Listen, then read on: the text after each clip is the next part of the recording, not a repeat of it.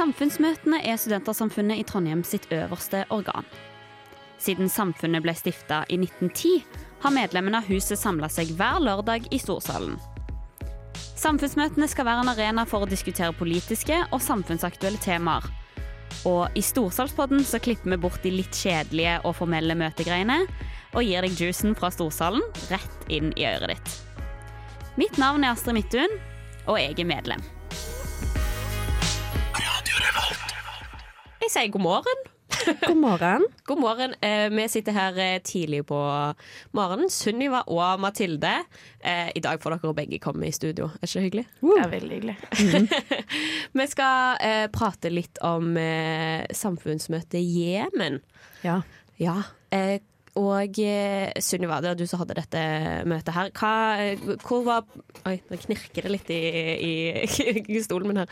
Men eh, hva er det som gjør at dere valgte å ha Jemen som møte? Det er jo ikke på en måte Jemen-konflikten som er den som er mest i media, i hvert fall. Altså. Nei, og litt nettopp derfor valgte vi å ha fokus på den. Og så blir det jo av FN sett på som verdens største humanitære krise. Ja. Og da kan en jo sette et spørsmålstegn med hvorfor en ikke hører mer om det. ja.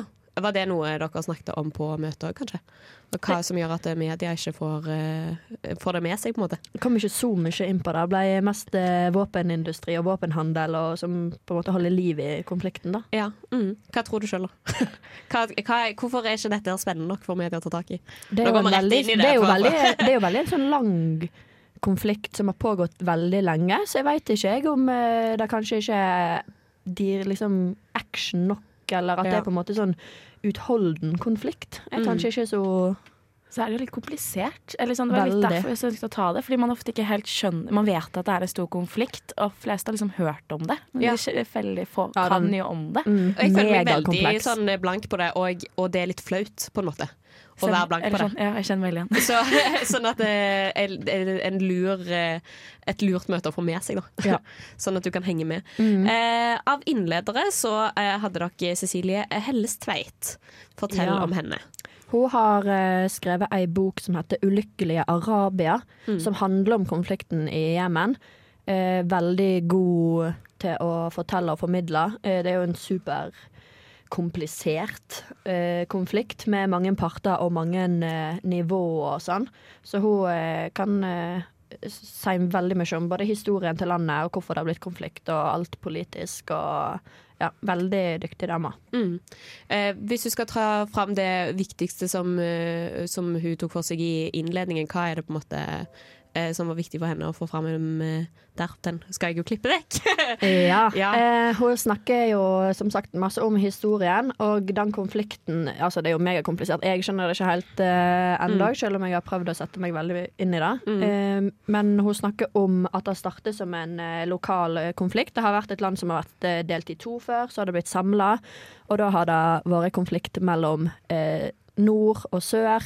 Og så har det utvikla seg til å bli en eh, regional konflikt i uh, For det er ganske mange parter involvert. ja, mange og det er kanskje parter. det som gjør det komplisert å holde styr på alle. Ja, og Jemen er et sånn strategisk plassert land som kan gi nabolandene både tilgang til de forskjellige havene som ligger rundt halvøya der, og eh, er det som kobler Midtøsten til Afrika. Ja. Eh, så er veldig sånn strategisk plassert. Og så, etter det har blitt en regional konflikt, så har de òg fått sine allierte. Så da har det blitt en global konflikt, der kanskje andre land reiser for å krige mot hverandre, da. Eh, Og ikke direkte mot det landet der de kriger. Ja, ja, ja. Eh, som kalles en sånn stedsfortrederkrig. Ja. Eh, Det, jeg har aldri hørt om det, men, eh, men ja, veldig, veldig spennende. Og eh, eh, hun er med digitalt, eh, så bare eh, det kan bli litt spennende lyd eh, denne, denne this time around. Ja. Men eh, hold ut, det er veldig, veldig spennende. Og lyden er bra i perioder, Ja. og så, eh, så bare vent det, da. ja, vær, vær tålmodig. Bare vær litt tålmodig. eh, ellers så hadde dere med dere Dag Hoel. Ja. Mm.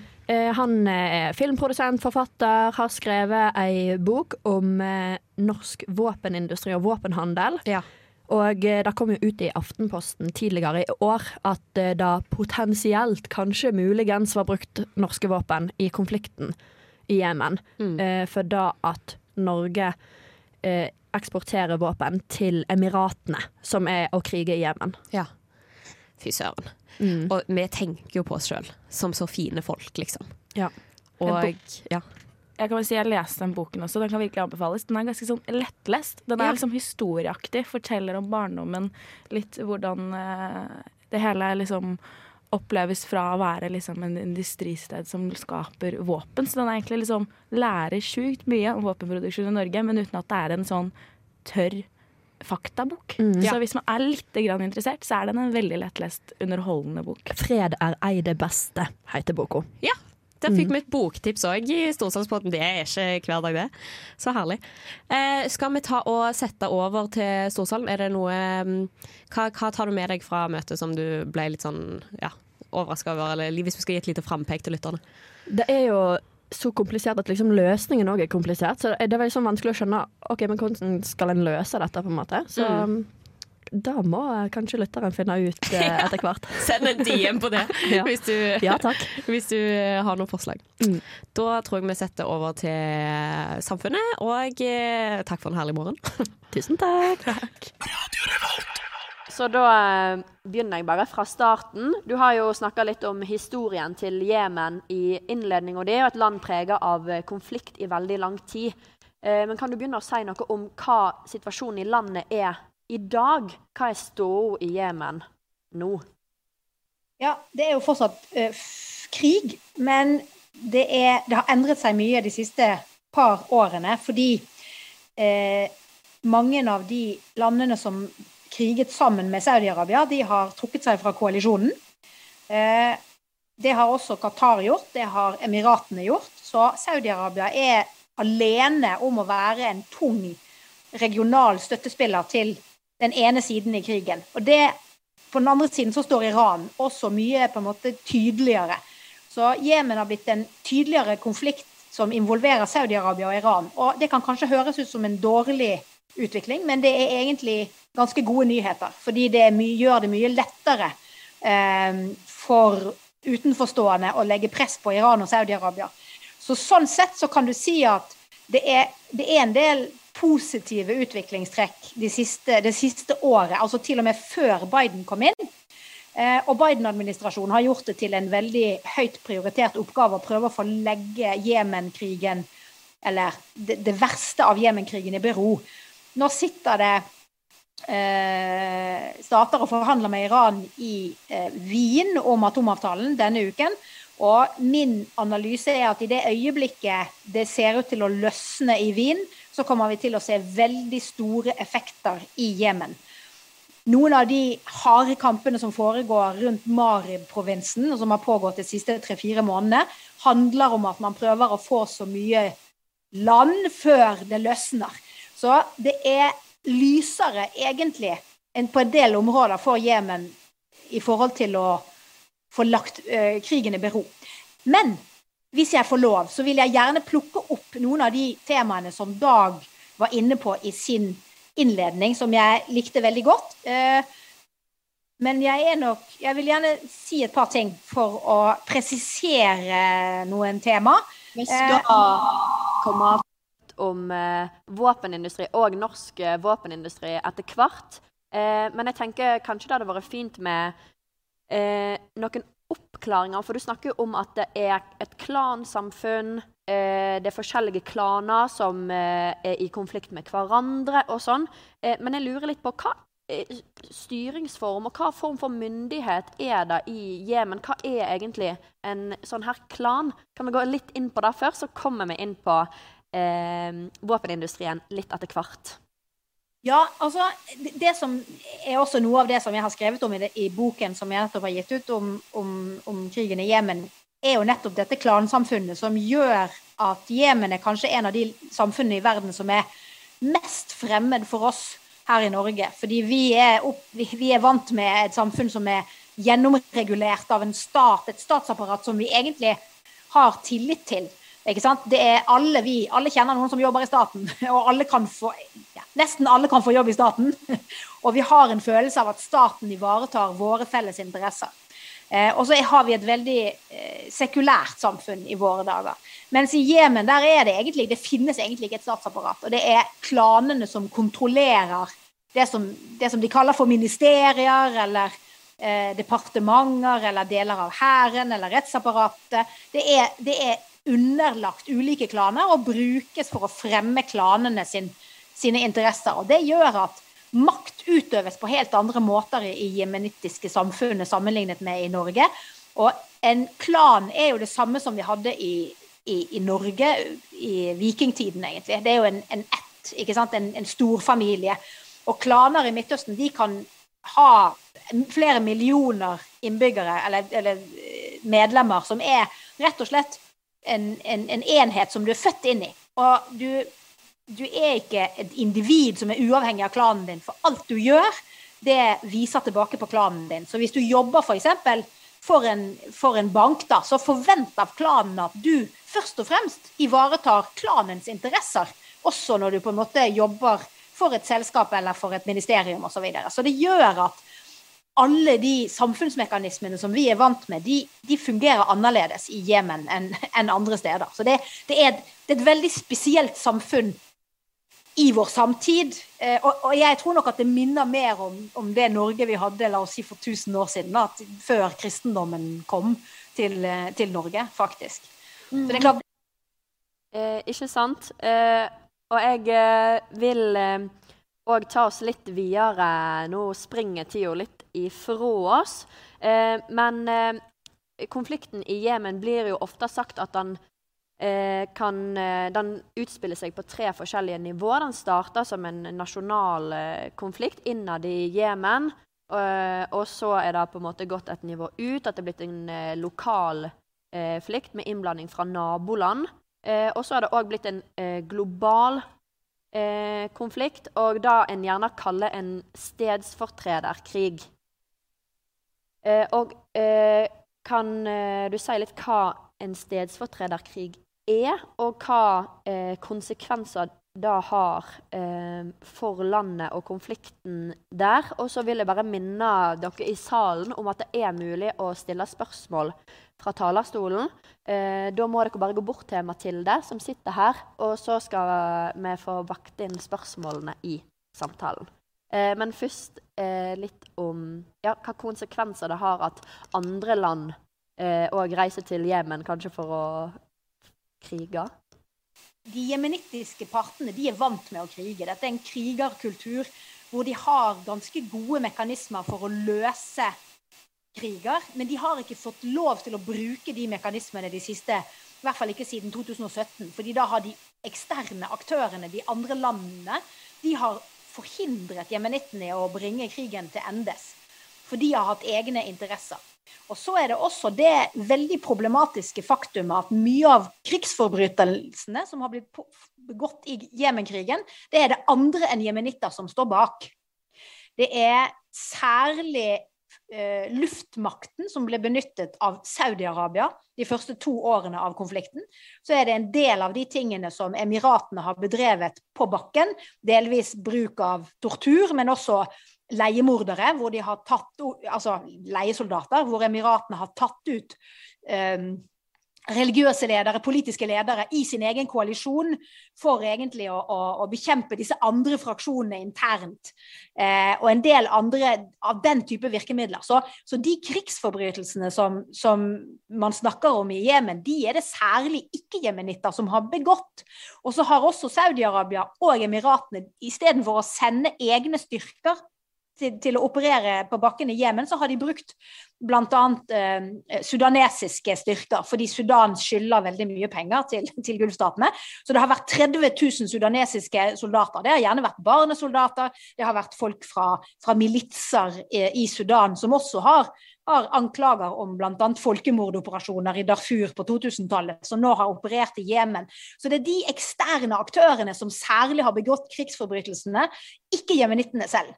Og, og, det gjør dette veldig krevende. Og, og det gjør også at det som Dag var inne på i sted, dette med å holde de eksterne aktørene ansvarlige, det er en veldig viktig ting å gjøre i Jemenkrigen fordi det statuerer nettopp et eksempel om at man kan ikke bruke andre stater til å begå krigsforbrytelser i et tredjeland, og, så, og så komme unna med det på den måten som, som de eksterne har, har, gjort så langt i konflikten.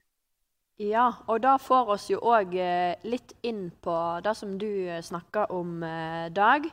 Eh, tidligere i år så kom det mm, noen dokument som Aftenposten hadde fått tak i, eh, der eh, det har blitt sagt at Utenriksdepartementet de sto fast tidligere med at norske våpen ikke har blitt brukt i konflikten i Jemen.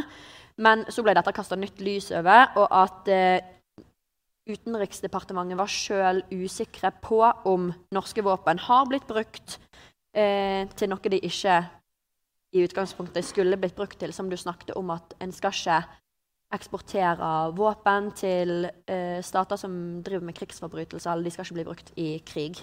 Eh, men kan eh, du si noe om kan dette avkreftes? Stemmer det at eh, det er det høy sannsynlighet for at eh, norske våpen har blitt brukt i, eh, i Jemen? Det, dette er et veldig, veldig stort sakskompleks. Eh, det er mange måter å angripe det på. Altså, når det gjelder eh, denne rapporten fra Riksrevisjonen, så, eh, så, dreide den seg om eh, norsk våpeneksport i, i, sin alminnelighet. egentlig, Hva slags utviklingstendenser man ser der. Og så var det slik at uh, den delen av rapporten som dreide seg om eksport til De forente arabiske emirater, som eh, da eh, lå i krig i Jemen gjennom mange år. Eh, den delen av rapporten ville ikke UD at skulle være offentlig. Så den ble unntatt offentlighet. Så gikk det to-tre måneder, og så er det eh, en, eh, På en eller annen måte så har Aftenposten fått tak i denne rapporten og publiserte eh, innholdet. Og det ble jo da en stor eh, skandale. Og eh, Utenriksdepartementet har nekta å kommentere innholdet i rapporten. Eh, eh, fordi at selv om det nå er offentlig kjent, så er det altså unntatt eh, offentlighet. Da. når det gjelder eh, norske våpen i Jemen, så er det slik at eh, det er ingen som har vært i Jemen og sett hva som måtte finnes av norske våpen der. Så det er per i dag ingen som kan si at det er våpen som er produsert i Norge Og da snakker vi det som, det, det som er det store volumet her, det er eh, et prosjektil, et 12,7 mm prosjektil som er produsert på Raufoss, og som er verdens mest presise prosjektil.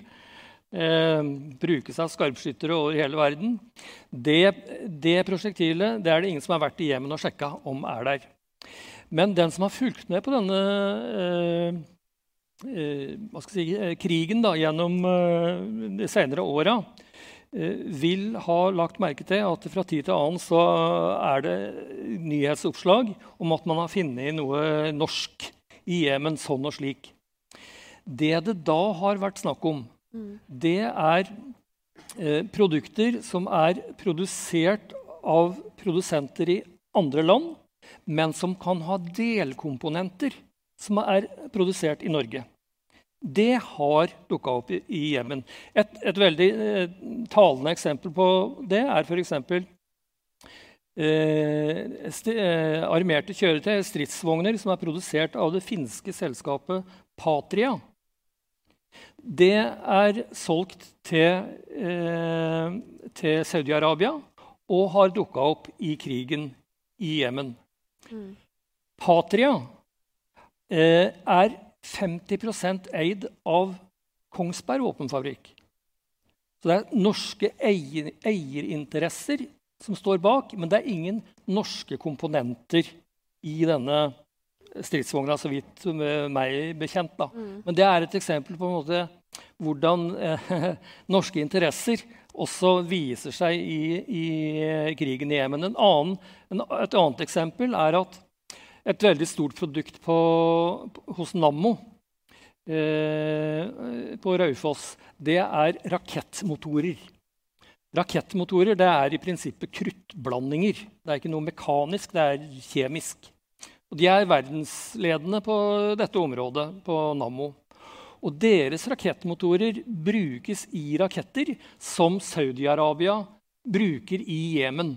Men det er da en relativt si, Kanskje 10% av verdien av det produktet som faktisk brukes i krigen. Og da er eh, norske, det norske regelverket slik at så lenge det bare er en liten andel av produktet, at det, eh, at det ikke framstår som norsk, som det heter, Eh, da er det helt ok. Da kan man eksportere eh, helt fritt. Men på denne måten er vi også delaktige da, kan du si, i Jemen. Ja, jeg tror setter, Det ser ut som Cecilie har noe å skal si, så da muter jeg også. Gjør jeg ordet Veldig hyggelig å se deg, Cecilie. Hos deg. Eh, skal vi se, da skal jeg mute dere også. Sånn. Nei, altså eh, jeg vil bare si et par ting rundt dette med den norske eksporten til eh, Emiratene eh, særlig. Og det ene eh, er jo at årsaken til at Norge er så opptatt av dette kontoret i Abu Dhabi, handler ikke om at vi absolutt vil selge våpen til, til, til Gulfstatene. Det handler om vår egen våpenindustri. ikke sant? Fordi eh, Gulfstatene er et lite, altså Emiratene er et lite land. De har en sjø strategi. Det, det Gulfstatene, altså særlig Emiratene, driver med, det er å, eh, å erobre havnene og sjøen rundt dette eh, Bab el-Mendib langs Jemens kyst. De trenger høyteknologisk eh, maritime kapasiteter. Det lager Norge. Og de fleste andre land som bruker altså høyteknologiske maritime kapasiteter. De har sin egen industri til å lage det. Så det er ikke så lett å finne, folk, altså, finne stater som kjøper det, men det gjør eh, Emiratene. Så det er på en måte noe med at for at Norge skal utvikle en gunstig teknologi for norskekysten, så må vi ha rike land som ikke har sin egen eh, maritime teknologi, men som kan kjøpe våre. Og Det er en av grunnene til at, at Emiratene er en, en eh, på en måte en kunde som Norge ønsker å ha. Det er ikke fordi at Emiratene eh, kriger i Jemen og i Libya eh, osv. Men, men spørsmålet er jo da, når vi har det regelverket vi har, eh, som er egentlig veldig klart, og Emiratene blir involvert i en, i en, konflikt på den måten som de blir, da må man jo gjøre noe. Og det er jo litt av det som er unnlatelsessynden eh, til norske myndigheter i denne saken her, som Riksrevisjonens eh, rapport eh, er veldig tydelig på. Men jeg skal bare si to ting eh, til i, i, den forbindelse. Det er, Emiratene har ikke drevet med, med luftkrig i Jemen. Det er det Saudi-Arabia som har gjort, og det er der flesteparten av disse eh, våpnene har blitt brukt på måter som utgjør eh, krigsforbrytelser. Og så er det også slik, eh, og her må jeg korrigere Dag litt eh, Dere husker jo alle denne ulykksalige journalisten Rashoggi som ble partert i Tyrkia. Det skjedde høsten 2018, mens Norge avsluttet sin eksport i januar 2018. og Det var fordi da hadde det kommet noen rapporter. Den første rapporten til en, en gruppe som ble nedsatt av FNs menneskerettighetsråd, uh, The Group of um, Eminent Experts, de hadde kommet med sin første rapport i desember 2017 som sa at også Emiratene og Saudi-Arabia eh, var på en måte implisert i det som var krigsforbrytelser. Så da, stans, da gikk Norge, Norge gjennom og så på leveransene og endret de. Så det var ikke i forbindelse med Khashoggi, da gjorde vi mange andre ting. Men akkurat det med våpenleveranser det kom som følge av FN-gruppen eh, som, som, konstaterte, eller som sa at det var indikasjoner på krigsforbrytelser. Og det som er viktig å vite, er at eh, for en måned siden så sørget Saudi-Arabia for at denne gruppen ble nedlagt. Så det er ikke per i dag noen internasjonal gruppe lenger som følger med på eh, brudd på humanitærretten som begås i Jemen av noen parter lenger. Fordi det har man på en måte klart å få lagt i bero. Så det er jo det ene. Og det gjør jo at, at informasjon til disse eksportregimene som vi har i forskjellige europeiske land, annet, som følge av denne traktaten, det blir mye mye vanskeligere å, å, håndheve, fordi du da ikke har den type informasjon som du trenger for å endre på politikken i Europa. Og Dette vet jeg ganske mye om, for jeg sitter jo i Oljefondets etikkråd. Og vi har jo fulgt med på dette helt siden 2015. Og vi endte opp med å ikke klare å gjøre noe med de eh, våpenprodusentene i fondet som leverte eh, våpen til Saudi-Arabia eh, under de kriteriene vi hadde. Nå har eh, heldigvis Stortinget gitt oss et nytt kriterium som vi har begynt å applisere, eh, som nettopp er rettet Eh, Dag har en eh, kommentar òg til det du sier der. Og så må Cecilie ikke mute oss, og du hører når vi eh, kommer tilbake. Ja, Dag, vær så god. Eh, altså når det gjelder eh, jeg, eh, jeg tror ikke det er noen uenighet mellom oss Cecilie, om de faktiske forholdene. Altså det jeg forsøkte å si i sted, er at eh, altså vi, vi avslutta eksporten av ammunisjon og våpen til Emiratene høsten 2017. Men eh, vi hadde fortsatt en eksport av eh, B-materiell til Saudi-Arabia. Er B-materiell B-materiell, dvs. Si militært utstyr som ikke er våpen og ammunisjon. Ja. Vi hadde en eksport til Saudi-Arabia, for så vidt også til Emiratene. Eh, hele veien, helt fram til dette drapet på Khashoggi. Men da etter at han var myrda, så avslutta vi eksporten av B-materiell til Saudi-Arabia. Det var det jeg mente å si. Kanskje jeg sa noe annet, men det var det, men det, var det som var eh, mitt eh, poeng. Da. Mm. Men jeg lurer på om dere kan si noe om For dette blir jo sant, Det er flere eh, land som kanskje eksporterer våpen som potensielt kanskje blir brukt i konflikten til Jemen. Og dette er jo en hel industri, og noe eh, andre land tjener penger på. At det kan være en eh, stor eh, eh, fortjeneste i eh, våpenindustrien. Og jeg lurer på, er det dette som holder eh, dette markedet av våpen, er det dette som holder litt liv i denne konflikten òg? At eh, det er så viktig å holde produksjonen for økonomisk vinning at en driver med det og ikke eh, får slutt på konflikten? Nei. Kan jeg si noe til det? Ja. Altså, denne tanken om at kriger holdes ved like fordi eh, våpenindustrien har en interesse i det, det er jo selvfølgelig en, en viss grad av sannhet i det. Men det er, det er litt mer eh, innfløkt enn det man gjerne tenker. Det er ikke slik at man sitter og produserer våpen og ja, nå må vi ha en konflikt og en krig hvor de kan bruke disse våpnene, og så vil vi gjerne at krigene skal fortsette. Det er ikke sånn det fungerer. Det, måten dette fungerer på i krigen i Jemen, er at blant eh, Storbritannia og USA de har forpliktelser overfor Saudi-Arabia f.eks. for eksempel. De har helt altså, klare stat-til-stat-forpliktelser om å hjelpe Saudi-Arabia når Saudi-Arabia trenger våpen. I krig, enten hjemme eller ute. Og Det er jo Saudi-Arabia nå involvert i. Og For Storbritannia sitt vedkommende så er det fordi Storbritannia sin egen produksjon av våpen, flyvåpen, til den britiske hæren er avhengig av eh, økonomisk tilskudd fra Saudi-Arabia. Så hvis britene går ifra den avtalen med Saudi-Arabia, så forsvinner en god del av den britiske luftflåten for å forsvare Storbritannia. Så det er ikke på en måte fordi man skal tjene penger. Det er fordi at man har så dyrt forsvar, så man har blandet inn i den linken med andre stater, at man er nødt til å fortsette med dette for å opprettholde sitt eget forsvar. Tilbake til det som jeg sa i sted. Grunnen til at Emiratene er interessant for Norge, er fordi de kan være med på å finansiere vår teknologiutvikling for maritime kapasiteter som vi kan bruke utenfor vår egen kyst. F.eks. Eh, disse eh, dronene, altså sjødronene som vi har. ikke sant? Eh, så det er, det, er ikke, det er ikke helt sånn at eh, våpenprodusentene vil ha krig, men det er en sånn link mellom produksjon av våpen til eget forsvar eh, sikkerhetspolitiske interesser og aktører som da kan benytte seg av dette til å holde leveransen av våpen i gang. Takk. Ja, da setter jeg ordet over til eh, Dag. Ja, men dette er veldig, dette er, kan jeg bare slutte meg til. Dette er helt korrekt eh, framstilling. Eh, jeg kan si noe om det samme fra en litt annen synsvinkel. Ja. Altså, det jeg har eh, sett på og skrevet om, da, det er norsk eh, våpenproduksjon og norsk våpenhandel i et historisk perspektiv. Og hvis man går tilbake i tid, så var det altså slik at eh, Nammo, eller da het det Raufoss ammunisjonsfabrikker, ble senere til Nammo. Raufoss ammunisjonsfabrikker de hadde eh, produkter som de solgte primært til det norske forsvaret. Eh, og etter hvert også utvikla et marked i andre land. Og den andre store produsenten fra 50-tallet av det var Kongsberg våpenfabrikk.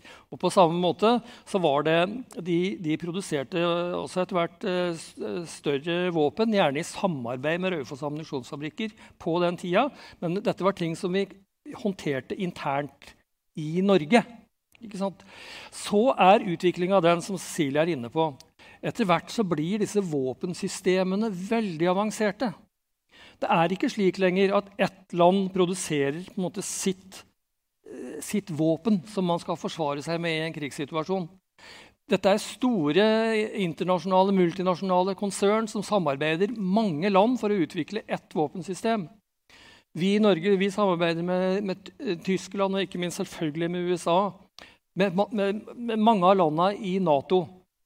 Eh, og eh, dette er uhyre kostbart. Det er ekstremt mye eh, midler som skal til for, å klare å drive disse systemene her. Og Derfor er man også avhengig av å gjøre salg mer enn til sitt eget forsvar. Mens Raufoss ammunisjonsfabrikk tilbake på, på 60-tallet eh, produserte 90% av det de solgte, gikk til det norske forsvaret. I dag er det snudd på hodet. I dag går 90% til eksport fordi at denne produksjonen er så kostnadskrevende. og Det kreves det, det å være på topp teknologisk, det å på en måte henge med i dette systemet, det, er, eh, det, gjør at man er en del av dette internasjonale spillet, og det driver også det internasjonale salget. Men det som da videre har blitt en konsekvens av det, er jo det at vi ikke på noen måte klarer å ha magamål i forhold til det som er det regelverket som vi har holdt oss med. Mm. Så der tøyes det, det, de mest absurde ytterligheter for å få muligheter til å ha inntekter fra et land som f.eks. De forente arabiske emirater, da, eller Saudi-Arabia for den del. Saudi-Arabia er altså ikke våpen og ammunisjon, men annet militært materiell. Ja, og uh, Cecilie, da skal du få slippe til kort før vi går litt videre. Jeg er helt enig med det Dag eh, sier her. Eh, jeg vil bare legge til to ting. Det ene er at Storbritannia er de viktigste, den viktigste støttespilleren for Saudi-Arabia i, i, krigen i Jemen. de har også eh, de har hatt ca. et sted mellom 3000 og 6000 britiske flygere og teknikere som har driftet egentlig flyvåpnene til Saudi-Arabia helt fra første stund. Og da eh, den britiske, det som tilsvarer britisk høyesterett, i 2018 påla britiske myndigheter å gå gjennom sitt eksportregime og sine vurderinger igjen, fordi de mente at det var en, et brudd med ATT, eh, det britene gjorde. Så kom britiske myndigheter tilbake etter seks måneder, og da eh, konkluderte de med at de hadde ikke funnet noe som minnet om eh, systematisk svikt. Og da hadde de gått igjennom 516 humanitærrettsbrudd gjennom bruk av luftkapasitet. Og jeg, er klart, jeg som leser veldig mange av disse rapportene, har aldri i mitt liv sett noe lignende. Selvfølgelig klarer du å identifisere eh, system, systematiske svikt når det er snakk om så mange hundre brudd. Det sier seg selv. Men grunnen til at de måtte konkludere med det, var jo fordi Storbritannia ikke har handlingsrom til å avslutte denne, denne kontrakten eh, med Saudi-Arabia. Så det er klart, da, du, da, må du komme med sånne krumspring som dette. Eh, for Norges del så er det en utfordring også. og det er, Jeg vil plukke opp det som, som Dag var inne på i sted, om denne lille komponenten som Norge eksporterer til Saudi-Arabia. ikke sant? En kanskje tiendedel av selve våpensystemet. Og det er den veien industrien går. Det blir mer og mer avanserte system hvor mange nasjoner i fellesskap samarbeider. Og det gjør også at dette regelverket her pulveriseres. For vi, fordi når det er 14 nasjoner som har vært med på å produsere, eh, investere, produsere og levere underdeler til et våpensystem, men som ikke kan på en måte sies å ha ansvar for det hele, så ender det opp i en situasjon hvor du nettopp får et pulverisering av ansvar. Eh, og det er jo nettopp det man ikke ønsker i krigssituasjoner. Hele det moderne skal vi si, krigsregelverket handler om det motsatte. Å ha veldig klar ansvarsfordeling. Ah, da har Dag òg en kommentar. Ja, bare en kjapp liten kommentar til det samme. fordi eh, en, en, annen utviklingstendens er jo at eh, en, en, bedrift som Nammo, da, som er liksom Norges nest største våpeneksport eller våpenprodusent, de har hatt en strategi de seneste 20 åra, nærmere 20 åra med at de, de, kjøper opp industri i andre land og produserer i andre land. Først og fremst i USA. Så Nammo eier nå jeg tror det er i hvert fall åtte, hvis ikke enda flere, produksjonsbedrifter i USA. Mm.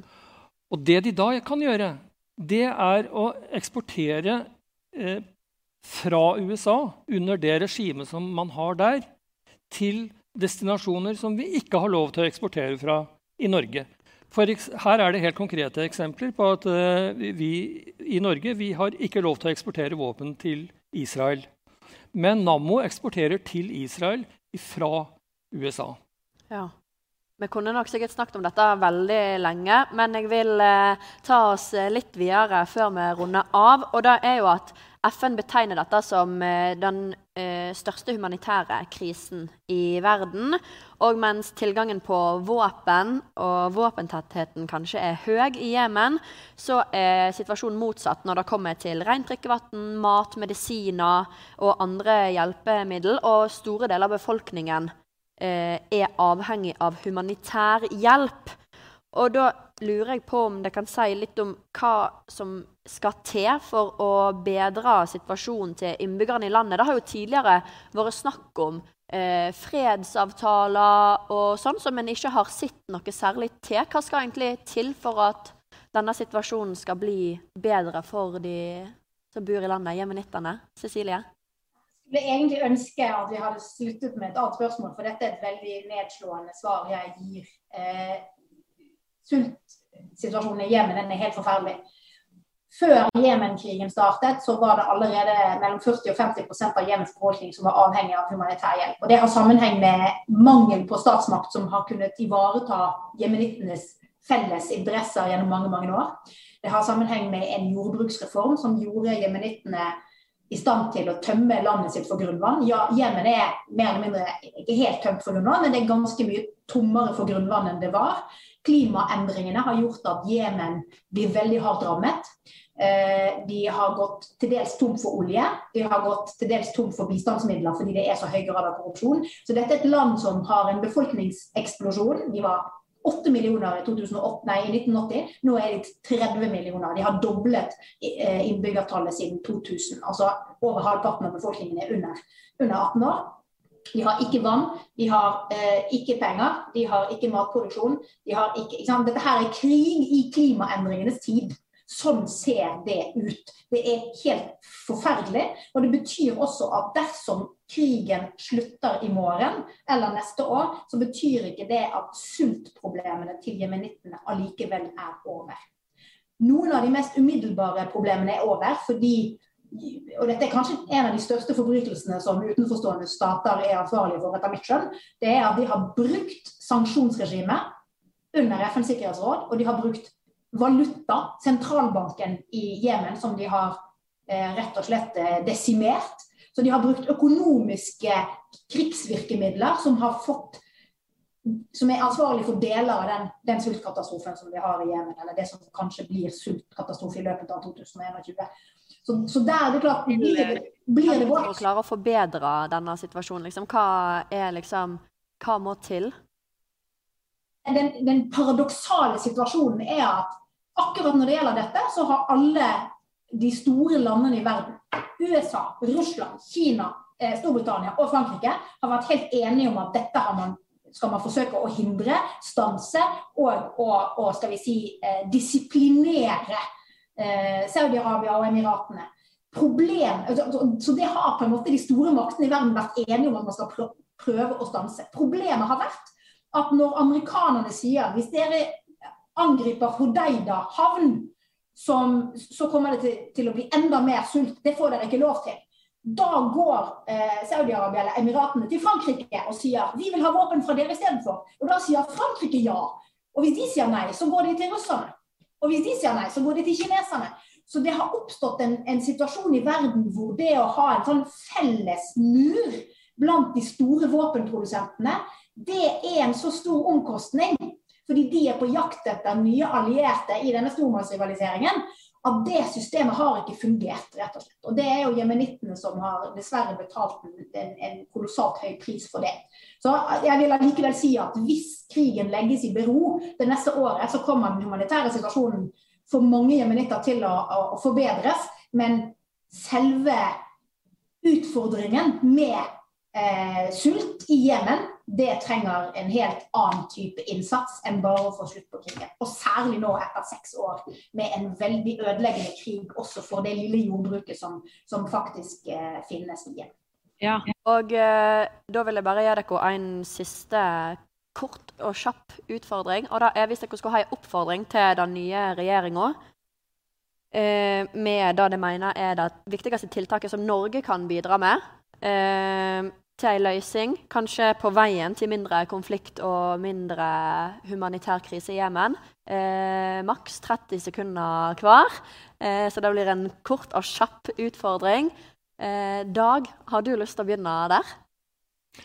Ja, det er ikke noen enkel utfordring. Eh, man må bruke plassen sin i Sikkerhetsrådet til å være tydelig på at denne konflikten bare Man må gjøre noe. Det er, dette er ikke tid da man kan uh, sitte på gjerdet og vente. Det må bare skje nå. Og da er det for så vidt stedet der, det, der man kan ta ting på det høyeste nivået. Mm. Og uh, Cecilie? Jeg har jo sagt dette flere ganger før. Jeg tror ikke dette er en periode da det er lett å være Norge i Sikkerhetsrådet, fordi det er de store, er de store interessene hos de store nasjonene som er mer dominerende enn det vi har vært vant til før, og som kanskje er situasjonen om ti år. Jeg håper at dette her går over på et tidspunkt. Jeg tror likevel at i forhold til Jemen-situasjonen, så er det beste Norge kan gjøre, er både å være humanitært eh, på hugget, som vi er, jobbe med engasjementspolitikk, slik at når i det øyeblikket eh, det storpolitiske rundt Jemen løsner, så er jemenittiske parter klare for å sette seg til bordet. Fordi du må alltid ha eh, Du må ha forberedt de lokale aktørene på at nå kan dere få lov til å begynne å forhandle mye mer fritt igjen. Og det er en type kompetanse som Norge har eh, som, som, Norge har, rett og slett. Og så. Da var det vi rakk for i dag. Så da vil jeg at vi gir eh, Cecilie Hellestveit og Dag Hoel en stor applaus. Tusen takk skal dere ha.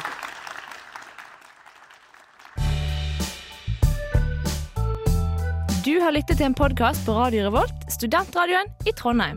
Sjekk ut flere programmer på radiorevolt.no.